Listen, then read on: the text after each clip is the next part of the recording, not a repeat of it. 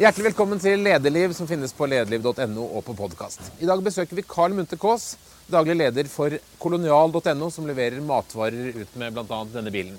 Og han har også vært aktiv i etableringen av Nabobil, delingsmodellselskapet hvor folk kan eh, leie hverandres biler. Han forteller om hvordan han tenker oppbyggingen av et eh, spennende nytt selskap, og, og han gir sine gode råd til gründere. Eh, Kaas, du er ifølge E24s lederkåring årets innovatør. Hvordan føles det?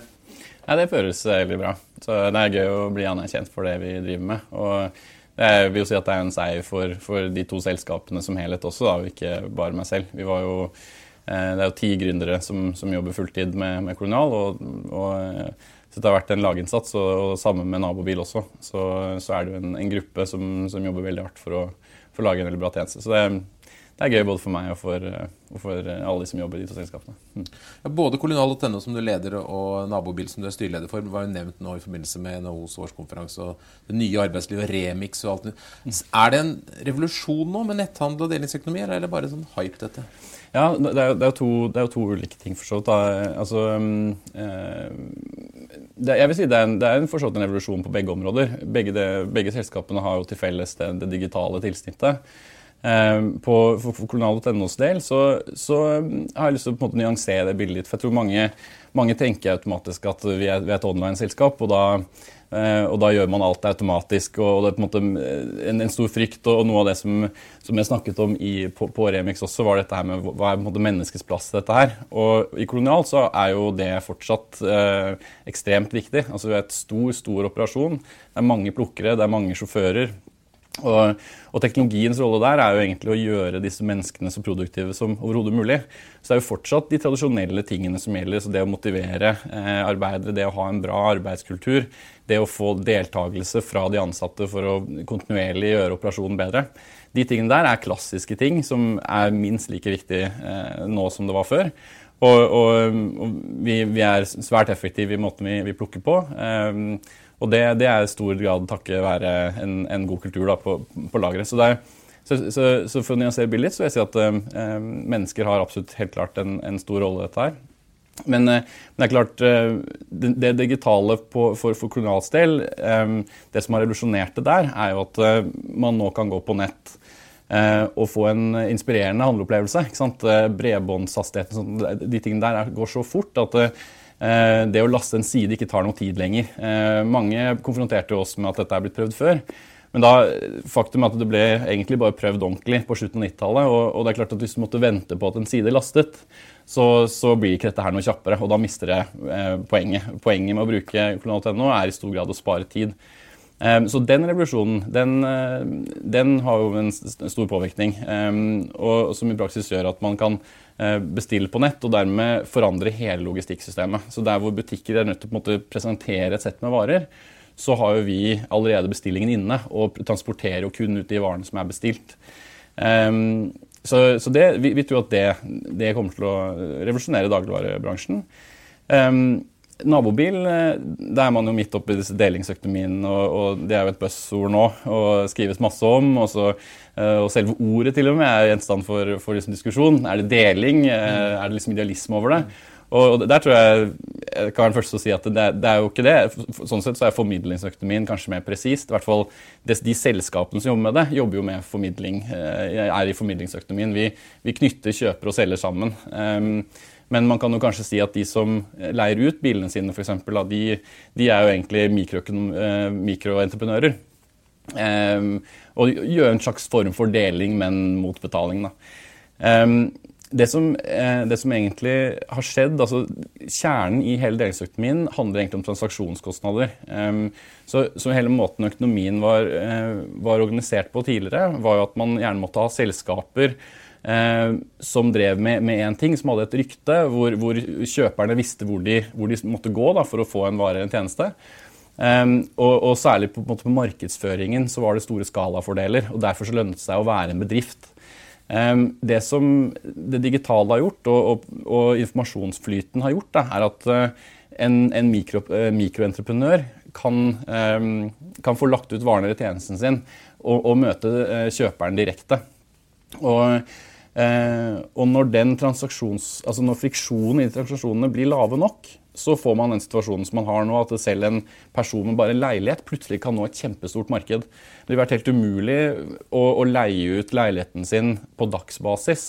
Um, uten, uh, uten, Airbnb eller uten egentlig internettet da, og, og, disse delingsplattformene. Og det samme gjelder selvfølgelig bilen. Um, det er jo også det at um, en annen viktig del av denne denne transaksjonskostnaden er jo tillit. Eh, og nesten alle disse delingsplattformene har til felles at man har reviews. Eh, så at man kan bygge seg opp et rykte eh, som selger overfor kjøperen. Det, det, er veldig viktig. Og så er det selvfølgelig forsikringsbiten, som også er på en måte oljen i det maskineriet. Eh, som gjør at man kan gjøre det trygt både for, for selger, eh, selger og, og, og leietaker. Du sier at det er ikke så veldig mye nytt annet enn at det er lavere transaksjonskostnader? egentlig? Det er, det er egentlig det som er fundamentale. Eh, så man kan si at Det digitale har, har jo ført til en disrupsjon i transaksjonskostnader. Eh, det har gjort det mulig å få transaksjonskostnaden så lav at man kunne eh, gjøre disse transaksjonene mellom privatpersoner.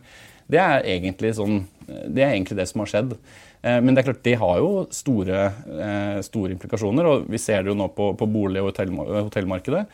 Eh, vi ser det på bildeling, og, og, nabobil vokser jo svært raskt. Og kanskje taxi etter hvert? Ja. Og taxi allerede, vil jeg si. Det, det er jo bare et spørsmål om tid før, før det, blir, det, blir, helt lovlig. Og, og ja Nei, Jeg har sterke synspunkter på det, selvfølgelig. Jeg er litt sånn der at nå må de bare gjøre det. Altså, Eh, på den Remix snakket med mange av politikerne her, og alle, alle forstår jo hvilken vei det går. og eh, Det er vel egentlig ingen som til syvende og sist altså Det å forby det eller gjøre det veldig vanskelig, det gagner én gruppe, og det er på en måte taxinæringen. Og det er ikke meningen at man skal beskytte bransjer altså på den måten mot innovasjon. Det skal skje selvfølgelig, man skal betale skatt, man skal ha gode arbeidsforhold osv. Men det er egentlig ikke noe problem. Alle disse delingsplattformene skriker jo etter å bli regulert. Jeg tror Ubers største problem i Norge er jo at man ikke får nok sjåfører fordi, eh, fordi det er usikkerhet rundt det. Eh, det er ikke at de, at de, har lyst til å unndra skatt. Eh, disse, disse, modellene, altså Den økonomiske modellen i, i, på disse delingsplattformene i formidlingsøkonomien er så robuste at de tåler jo fint å betale skatt. Så, så, så det der tenker jeg mer at nå, nå har vi snakket mye om det. Nå, nå, nå må man sette ned et utvalg. og Eh, skattevesenet har jo forstått egentlig vært ganske tidlig ute og, og gikk denne uken ut og sa at de allerede har, har, har, lagt opp en plan for hvordan man skal beskatte. Eh, og det, det, det, er jo bra, for her er det egentlig bare et stykke arbeid som må gjøres. Altså. Eh, Men du er da en kunnskapsrik mann innenfor denne sektoren. og Det er et hav av muligheter. Du har en fantastisk bakgrunn, du har jobbet i McKinsey, du har jobbet i Finn med utvikling osv. Hvorfor velger du å satse akkurat på kolonial, av alle ting? Eh, nei, kolonial, altså, Vi begynte egentlig å se på det i 2011. vi. Um, så, eh, og det, det, var jeg og et par kamerater som fortsatt er involvert, bl.a. operasjonssjefen vår, eh, Jon Kåre Stene. Eh, og, så, så, han jeg, og en som het Fredrik Ulofsen, egentlig, satt og snakket om det veldig veldig tidlig og så bare at det nå begynte å bli svært i Storbritannia. Um, og, og, Bakgrunnen min i McKinsey var, var, mye logistikk, mye operations, egentlig. da. Og, og, og, min tanke var at jeg tror på det tidspunktet så hadde allerede passert 3 markedsandel, som er mye i, i dagligvare. Uh, og, og, vi så at sant, du hadde briter da, som hadde lavere bredbåndspenetrasjon, lavere smarttelefonpenetrasjon, lavere netthandel av andre kategorier, uh, lavere inntektsnivå osv. Og, og likevel så, så var det da kjempehøy andel som, som brukte Dagbladet på nett, mens i Norge så var det ingenting. Selv om vi var da sterkere enn britene på alle disse andre parameterne som skulle tilsi da, at, at, dette var noe nordmenn ville ha. Så, vi, så Den første, første, konklusjonen var at dette her var et tilbudsproblem. At etterspørselen lå der, men det var bare ingen som tilbød det. Det som eksisterte på et tidspunkt, var fryktelig dyrt og veldig lite brukervennlig. Så dette her var i 2011. og vi begynte å jobbe med hvordan, hvordan kunne vi få opp et konsept på dette. her, og, og En av måte, pilarene var at Eh, i filosofien var at dette her måtte være konkurransedyktig mot, mot dagligvare i butikk. Og det ga en del implikasjoner for hvordan man måtte gjøre det. Så, så begynte vi å jobbe med det da. Og, så, eh, og faktisk så, så, i starten så reiste vi en del midler og sånt uten at det, det ble noe særlig ut av det. Eh, da gikk jeg i Finn. Det var da jeg fikk på en måte øynene opp for delingsøkonomien. og var forretningsutvikler på både Finn småjobber, som også ble nevnt på NHO, og og, og, da bildeling på, det tidspunktet. Da. Da, var det helt, da var det så vidt begynt i USA, men Airbnb hadde begynt å få suksess da. Um, så løsnet det eh, rundt kolonial.no. Og måten det skjedde på, er jo er noe som, jeg, som fra, fra et ledelsesperspektiv syns er veldig viktig. fordi det som, det som, er unikt med Kolonial, er at vi var et veldig stort gründerteam. Eh, det var ti stykker som sagt, som, som, gikk sammen og jobbet uten lønn. Eh, det er blant de største gründerteamene jeg har hørt om, i hvert fall sånn fra starten av. Og, og, måten det skjedde på, var jo at vi, vi, innså at for å bygge det sten for sten, så var vi nødt til å, nødt til å få gjort programmeringen. Det, det, det, er veldig veldig mye software som må lages, både fronten, altså nettside osv., men ikke minst hele plukksystemet. Eh, og vi så jo rundt på markedet etter, etter, systemer som var effektive på dette, her, og fant egentlig ingenting. Eh, og så at vi måtte bygge det selv. Og, og, og så var jeg så heldig å, å, å, møte de som jeg sitter på, på kontoret her sammen med, da, som eh, som i veldig, altså De er jo primært da softwareutviklere um, og designere. Og til sammen så, så vi at vi hadde faktisk den kompetansen nødvendig da, til, til, å sette det opp. Og da, og da løsnet det. Da, da slutta jeg å Finn. Eh, og så, veldig synd for Schibsted, vil jeg si, så, så, så eh, rant eh, bildeling i Finn da ut i sanden eh, noen måneder etterpå. Men, men har nå fått, fått nytt liv nå i, i, i, fjor. da. Men Nå har du gått fra en gründerfase med noen få engasjerte til å være et selskap masse ansatte som du sier, som skal motiveres og levere kvalitet og plukke riktig. sånn. Mm. Hvordan tenker du som leder for å få det til å skape den rette kulturen? Altså, det, som, eh, det som jeg tror eh, har vært, vært, veldig heldig for min del Jeg, jeg føler forstått at jeg liksom på riktig sted til riktig tid Um, fordi alt det du snakker om der, altså hele den operasjonen, det er jo det jeg egentlig kunne i utgangspunktet fra McKinsey. Uh, så, så, fikk jeg bygget litt mer kjøtt på beinet rundt det digitale uh, i Finn. Og så er vi jo nær liksom digital natives, så, så jeg tror man uh, Jeg kan jo ikke mye teknologi selv, men jeg skjønner hva det kan gjøre. og det er egentlig det som, som er viktig. Men sånn um, lesemessig er klart det har vært en stor forskjell fra å være et gründerteam med ti stykker og, og et selskap nå med nær 90 ansatte. Uh, og, Hva er den største forskjellen? Altså, si, det, det som, som, er veldig bra da, med, med, med, med gründerteamet Jeg tror hele selskapet har en gründerkultur, også disse, disse siste 80, uh, ikke bare de første ti. Uh, jeg tror det smitter, og det, det er um, det, det, gjør noe med, med, med, alle. Jeg tror alle føler at de, de trekker på en måte i samme retning. Um, og det, det, er gøy å være del av et ungt, ungt selskap. men Um, altså de første ti, det, der, der, har man liksom en indre driv, en indre motivasjon samtlige, egentlig. Man, har, man, har, altså man, er sterkt insentivert. For, man, for, alle vi jobbet jo som sagt uten lønn og fikk jo da aksjer for det. Som har vært en, en flott reisefall, og det er veldig motiverende i seg selv. Um, men, men uh, når det gjelder operasjonen, så, så, um, så, er det en god del klassiske ting som, sagt, da, som, som må gjelde. og og det, gjelder, altså det er utrolig viktig at uh, de man tar inn nå, er, er bra mennesker. At de, er, at de, jobber hardt, at de er motiverte. Og, og, operasjonssjefen Jon Kåre Stene har jo, har jo, klart å lage et fantastisk samhold der oppe. Um, og, og, vi gjør det med, med vi, har, vi har selskapskulturelle ting. ikke sant? Vi, vi, vi uh, har jevnlige fredagspilser og vi har sommerfester og, og julebord og sånn. Så, og så prøver jo vi å være mye til stede på lageret også, uh, ute, ute, og plukker. Um, og Det er veldig viktig også for koderne våre og, og, og, de som lager softwaren, at de også bruker det softwaren. Um, det der har jeg veldig tro på. Um, det å bygge ting i silo det, det, skaper så mye støy liksom, i kommunikasjonen mellom. Eh, det er fantastisk kraftfullt dette her å ha en koder ute i plukket som ser at dette her syns jeg tok litt lang tid, eller hvis jeg hadde gjort eh, denne informasjonen hadde blitt vist på den og den måten, så, så, så ville dette gått raskere. Og så går de bare tilbake på pulten, og så fikser de det. Er du mest fornøyd med det du har gjort som leder? Altså, hva er det smarteste grepet du har gjort? Mm. Ja, det, altså, um, det, det, ene kan klart, Jeg vet ikke om det er smarteste i hvilken rekkefølge, men, én en ting var jo å identifisere disse potensialene. Så det er jo en overordnet eh, strategi. Um, og, og hvis, ikke, hvis, den var feil, så, så, ville alt man gjorde, eller, på en måte bli bygget eller grodd i, i brakk jord. på en måte. Så, så, det ligger jo noe rundt, rundt strategi og, og forretningsutvikling. Um, jeg tror, jeg tror, det var veldig bra å, å få startet selskapet med, med mennesker som, har, eh, som har æreandeler. Eh, det, jeg, det, er egentlig et sånt råd jeg har til alle gründere. at eh, hvis, hvis, du har en jobb som skal gjøres, så prøv å, å, å betale for de aksjer. Eh, prøv å få folk inn som, som kan være der i lang tid. Mener Alternativ for oss ville vært å ta inn kapital fra investorer og så betalt eh, softwareutviklere f.eks. Eller, eller til og med kanskje fått inn konsulenter. Og, og det tror jeg, det, det, første hadde kanskje vært greit, da hadde man i hvert fall fort ansatt og, og sånt noe. Eh, men de ville ikke vært motivert på samme måten. Det, det, er noe, det, er noe, utrolig gøy når man på en måte kan dra til South by Southwest eksempel, med hele gründerteamet og, og, være liksom glad sammen, sånn at det er noen som har blitt rike, og noen som ikke hadde. på en måte, Eller at det har gått bra for noen og ikke andre. Da, da, tror jeg du får mye mer eh, altså Som leder så resonnerer du jo bedre. ikke sant? Hvis, man, hvis, det faktisk, eh, hvis, det faktisk, er sånn at drar man hardt sammen, så, er det, så, får man, så får hver enkelt noe igjen for det. Så, så jeg tror, tror, det er én ting at man, at man gir, gi aksjer direkte, hvis du kan. Um, Eh, jeg tror, også, jeg tror, også, vi har gjort en del kloke valg rundt, rundt teknologi. At, vi har bestemt å bygge ting selv, f.eks.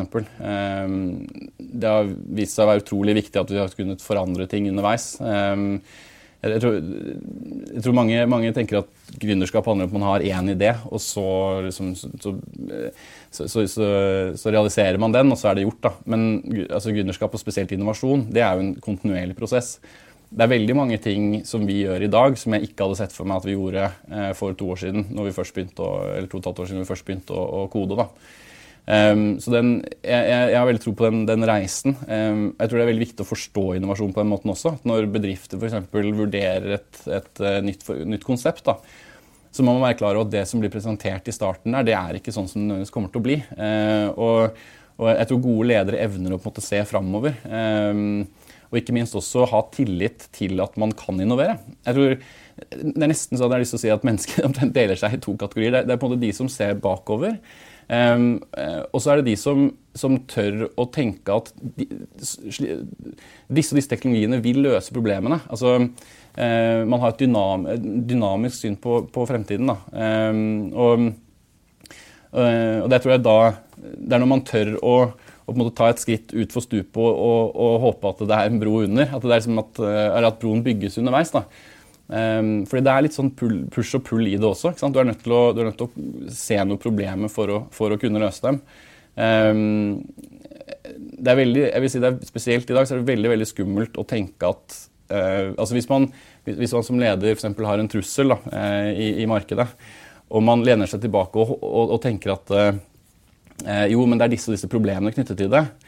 Da skal man gå noen runder til for å, for, med seg selv for å være helt sikker på at ingen klarer å løse det. Fordi mennesket har vist en utrolig evne til å innovere og gjøre ting som er umulig.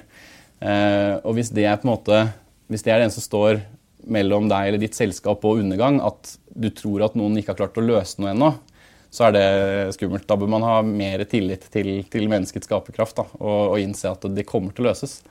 Eh, det krever kanskje mange runder, det krever mange forsøk, men, eh, men man, man, finner ut Jeg kan ta et eksempel eh, fra Kolonial. er at fra, starten av var vi, var vi, egentlig ganske trygge på at hentepunktsmodellen var viktig.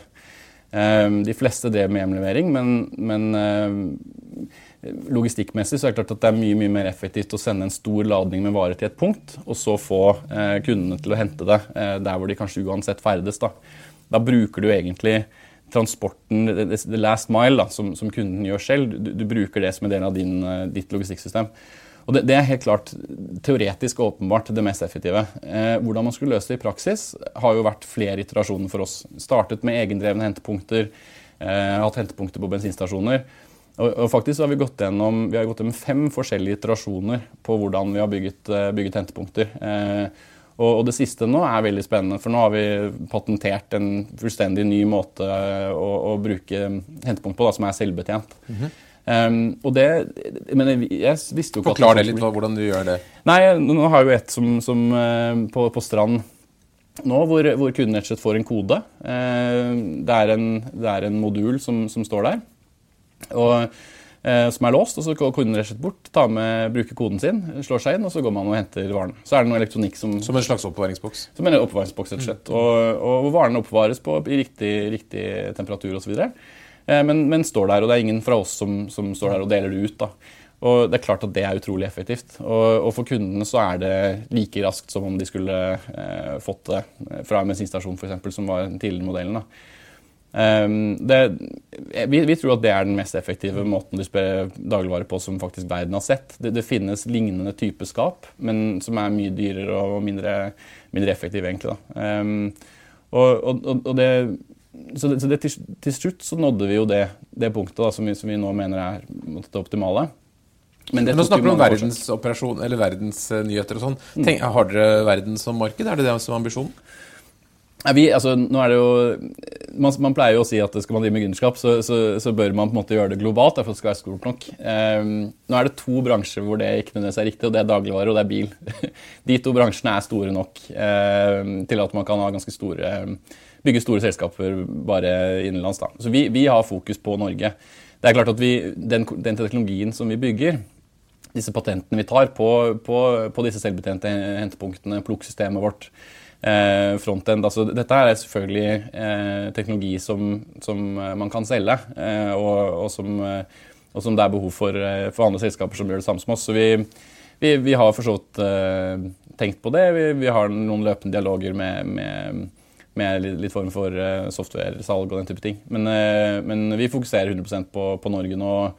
Altså, si, Dagligvaremarkedet for Norge er 50% større enn hele verdens musikkmarked. Så Spotify blir jo dratt fram som en, som en unicorn og som liksom et, en, en, eh, et, fyrhus av en, av en innovasjon. Men de disrupter er altså da bare et marked som er en god del mindre enn det markedet vi, vi tar for oss i Norge. Har du snakket mye om gode ting dere har gjort, ting dere er flinke på. Har du gjort noen feil underveis? Har du noen feil som du har lært av? Jeg har gjort feil. altså... Eh, jeg har gjort feil på tidligere altså gründerselskaper. Så, så eh, Kolonial var ikke det første selskapet jeg satte opp. Eh, før jeg begynte med McKinsey, satte jeg også på et annet selskap basert på et patent på det tidspunktet. Et evakuerings, evakueringsprodukt, egentlig. Og det, det, gikk til slutt konkurs nå i april. Da var det en stund siden jeg hadde vært aktivt involvert i det, men den, den prosessen her lærte meg veldig mye.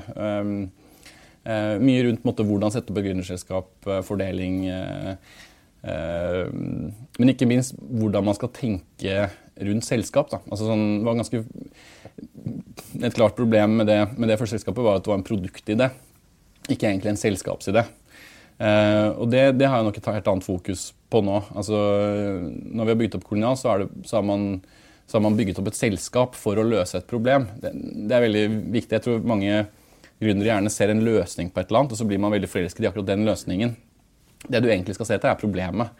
Um, så Kolonial.no var tuftet på et ganske solid problem. Altså, Å gå i butikken er ikke noe som de fleste syns er gøy. Um, er du en familie, f.eks., så, så, så har du en masse stress. Først skal, du handle mye mat. Uh, det er vanskelig å få kabalen til å gå i hop med, med barn osv. Skal du ta dem med inn i butikken, så er det slitsomt. Og, uh, så det tar mye tid. da. Dette her er et veldig klart problem. Kolonial er et selskap som er laget for å løse det problemet. Vi hadde noen formening om hvordan man skulle gjøre det. For så hadde vi, vi, vi tenkte retning hentepunkt for eksempel, i tillegg til hjemlevering. Da. Vi gjør begge deler. Um, det lå noen, lå noen, tanker rundt det operasjonelle, men, men, uh, men 90% av, av, det selskapet vi er i dag, er jo ting vi har da funnet ut av underveis uh, som løsninger på problemet. Og det, og det, hvis problemet er sterkt, hvis det er et stort behov uh, og et marked for et produkt eller tjenesten din, Eh, så er jo det det viktigste. Da vil du finne ut hvordan du skal løse det etter hvert. Eh, og kanskje det er en annen løsning enn den, enn den løsningen du hadde opprinnelig. Eh, du snakker mye om ideen og konsept og teknologien og sånne ting. Hvor mye betyr de tingene i forhold til den rent menneskelige ledelsesmessige dimensjonen, altså den ansikt til ansikt, dag til dag blant medarbeiderne? Ja, det er liksom vanskelig. Altså Jeg tror jo Trenger man å være en god sjef hvis konseptet er bra og teknologien er bra? Jeg, jeg, tror alltid man må være en god sjef. Um, men jeg, jeg, tror også altså det, Du må også ha gode ideer, da. Altså um, Sjefen er, er, på en måte Det er uunngåelig at, at, lederen for bedriften ikke setter mye av strategien. Og da bør den helst være riktig. Um, så jeg, jeg, tror man må klare begge deler. Jeg tror man må kunne klare å motivere folk. Jeg tror det er, det, det er viktig um, det er viktig å inspirere de rundt deg, egentlig. Og, og, og særlig med gründerskap så handler det jo om å, å, få folk til å tro på visjonen din. Eh, og det, det, er mange måter å gjøre det på, på en måte. Men altså det, det, viktigste er jo at ideen faktisk er bra. Eh, jeg har en tendens til å, til å måte, argumentere med logos. Da, så, så, så, når jeg samler troppene, så sier jeg at vi bør gjøre dette og dette fordi det er, det er smart. ikke sant? Det, det, um, og, og, det tror jeg, så tror jeg folk responderer på litt, litt, litt forskjellige ting. Men hos oss så, så, så, det, så, tror jeg den viktigste motivasjonen ligger i det fundamentale. At man bygger noe som er bra. Og selvfølgelig når man ser draget i markedet, sånn som det har vært nå, hvor det har vokst helt utrolig. Vi snakker jo om eh, 7-8% i uka da, eh, over liksom en lang periode, og, og, fra et relativt høyt nivå, så er jo det veldig motiverende. Så jeg tror jo at eh, altså, Det snakkes mye om måte, ledelsesteknikker, og sånt, men altså, det viktige er jo det fundamentale. Går selskapet bra? Det, det er jo det som er motiverende for folk. Eh, og, da, og da, da, betyr jo det også at du må gjøre riktige beslutninger. Så det holder på en måte ikke bare å være en people person. Eh, eh, men jeg, jeg, tror det er, det er, det er viktig å kunne kommunisere eh, bra. Og så er det viktig å kunne ta gode avgjørelser. Så lenge du gjør det, så, så, så, beholder du jo på en måte troverdigheten din som leder. Da. Og den er utrolig viktig. Har du noen forbilder som leder?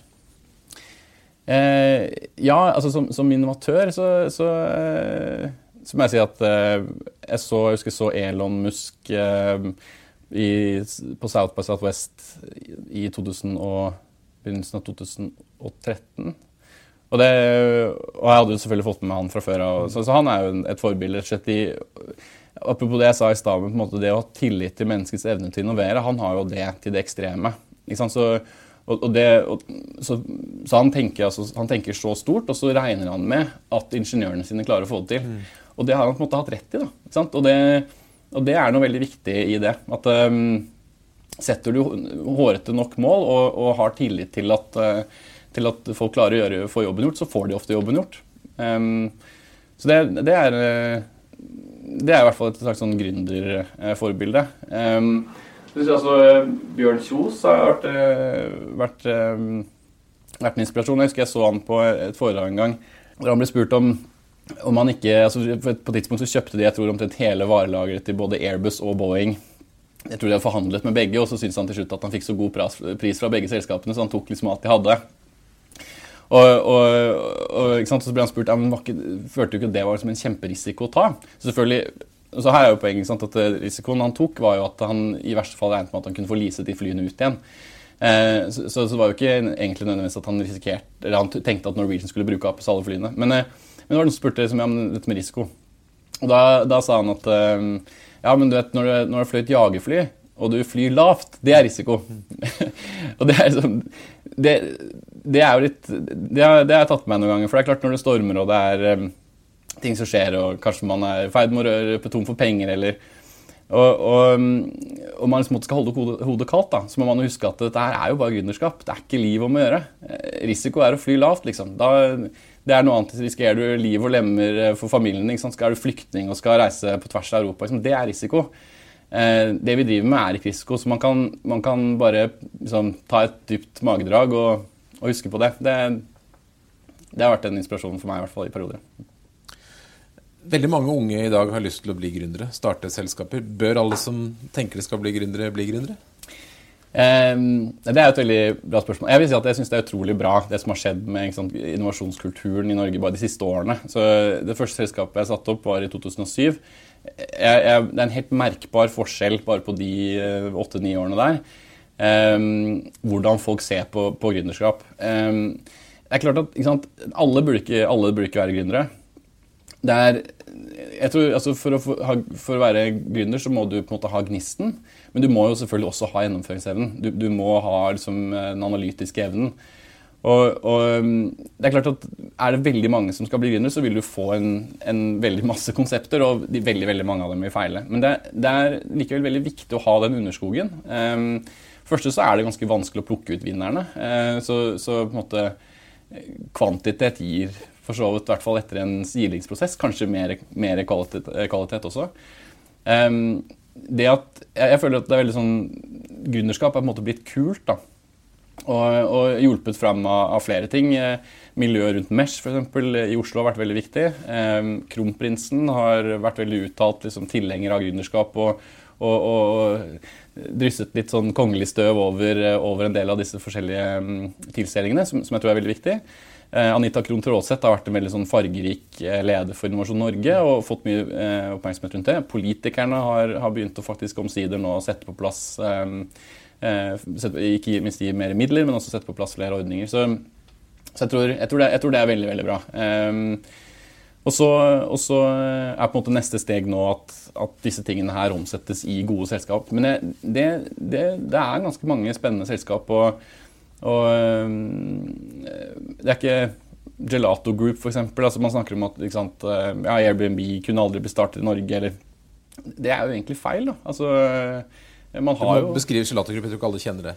Nei, Det er egentlig en, en slags delingsplattform for, for trykktjenester. da.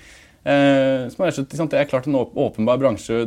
Trykksaker kan selvsagt digitaliseres. Eh, og du kan bruke kapasiteten på alle trykkeriene rundt i verden mye mye mer effektivt enn en hvert enkelt trykkeri. Kjempe, altså egentlig en super eh, Jeg skal ikke si enkelt, for det er selvfølgelig vanskelig å komme fram til å forstå dette her. Men, men når, man liksom, når, man hører om det, så ikke sant, åpenbart. ikke sant?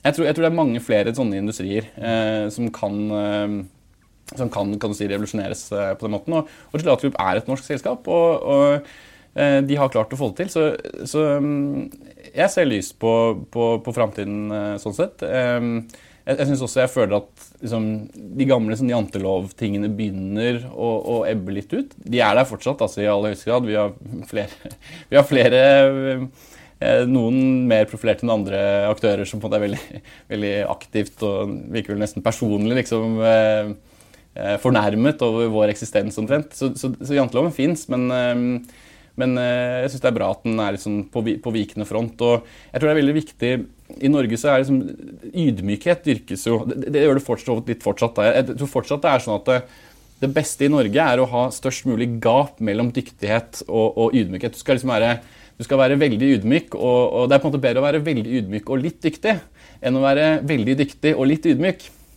Og det er jo feil. Altså? Det, um, det, det, tror jeg, der tror vi må ta inn over oss litt at um, selvsikkerhet da, det er utrolig viktig for å få gjort ting. Altså, eh, se på oss, for eksempel. Altså, hadde ikke vi trodd at vi skulle klare dette her, hadde vi ikke på en måte trodd vi var noe, da, eh, så ville vi aldri valgt å utfordre dagligvarebransjen. Da hadde man tenkt at ja, men de som jobber med det, de har sikkert full kontroll, har sikkert gjort alt riktig. Du, du, for, for, å innovere så må du nesten per definisjon tro at du kan gjøre noe bedre. Det er det som ligger i innovasjon.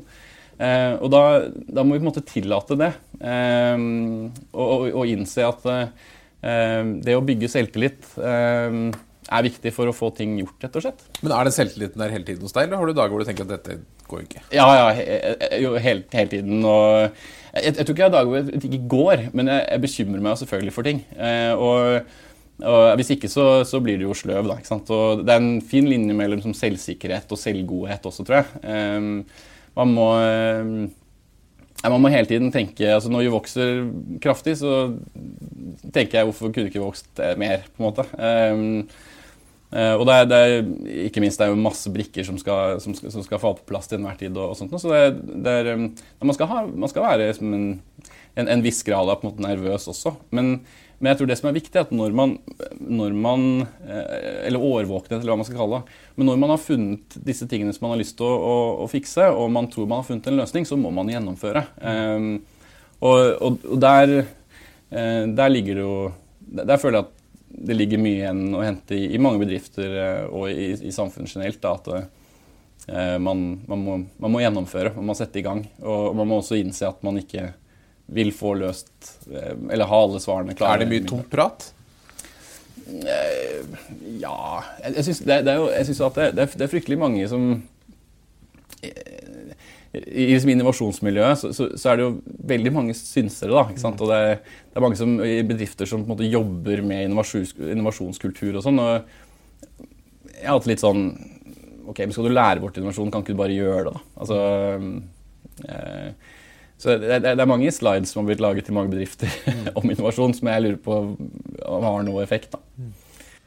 Hva er dine tre viktigste råd til uh, folk som vil starte på å lede en uh, ny bedrift? Tre viktigste råd? Mm.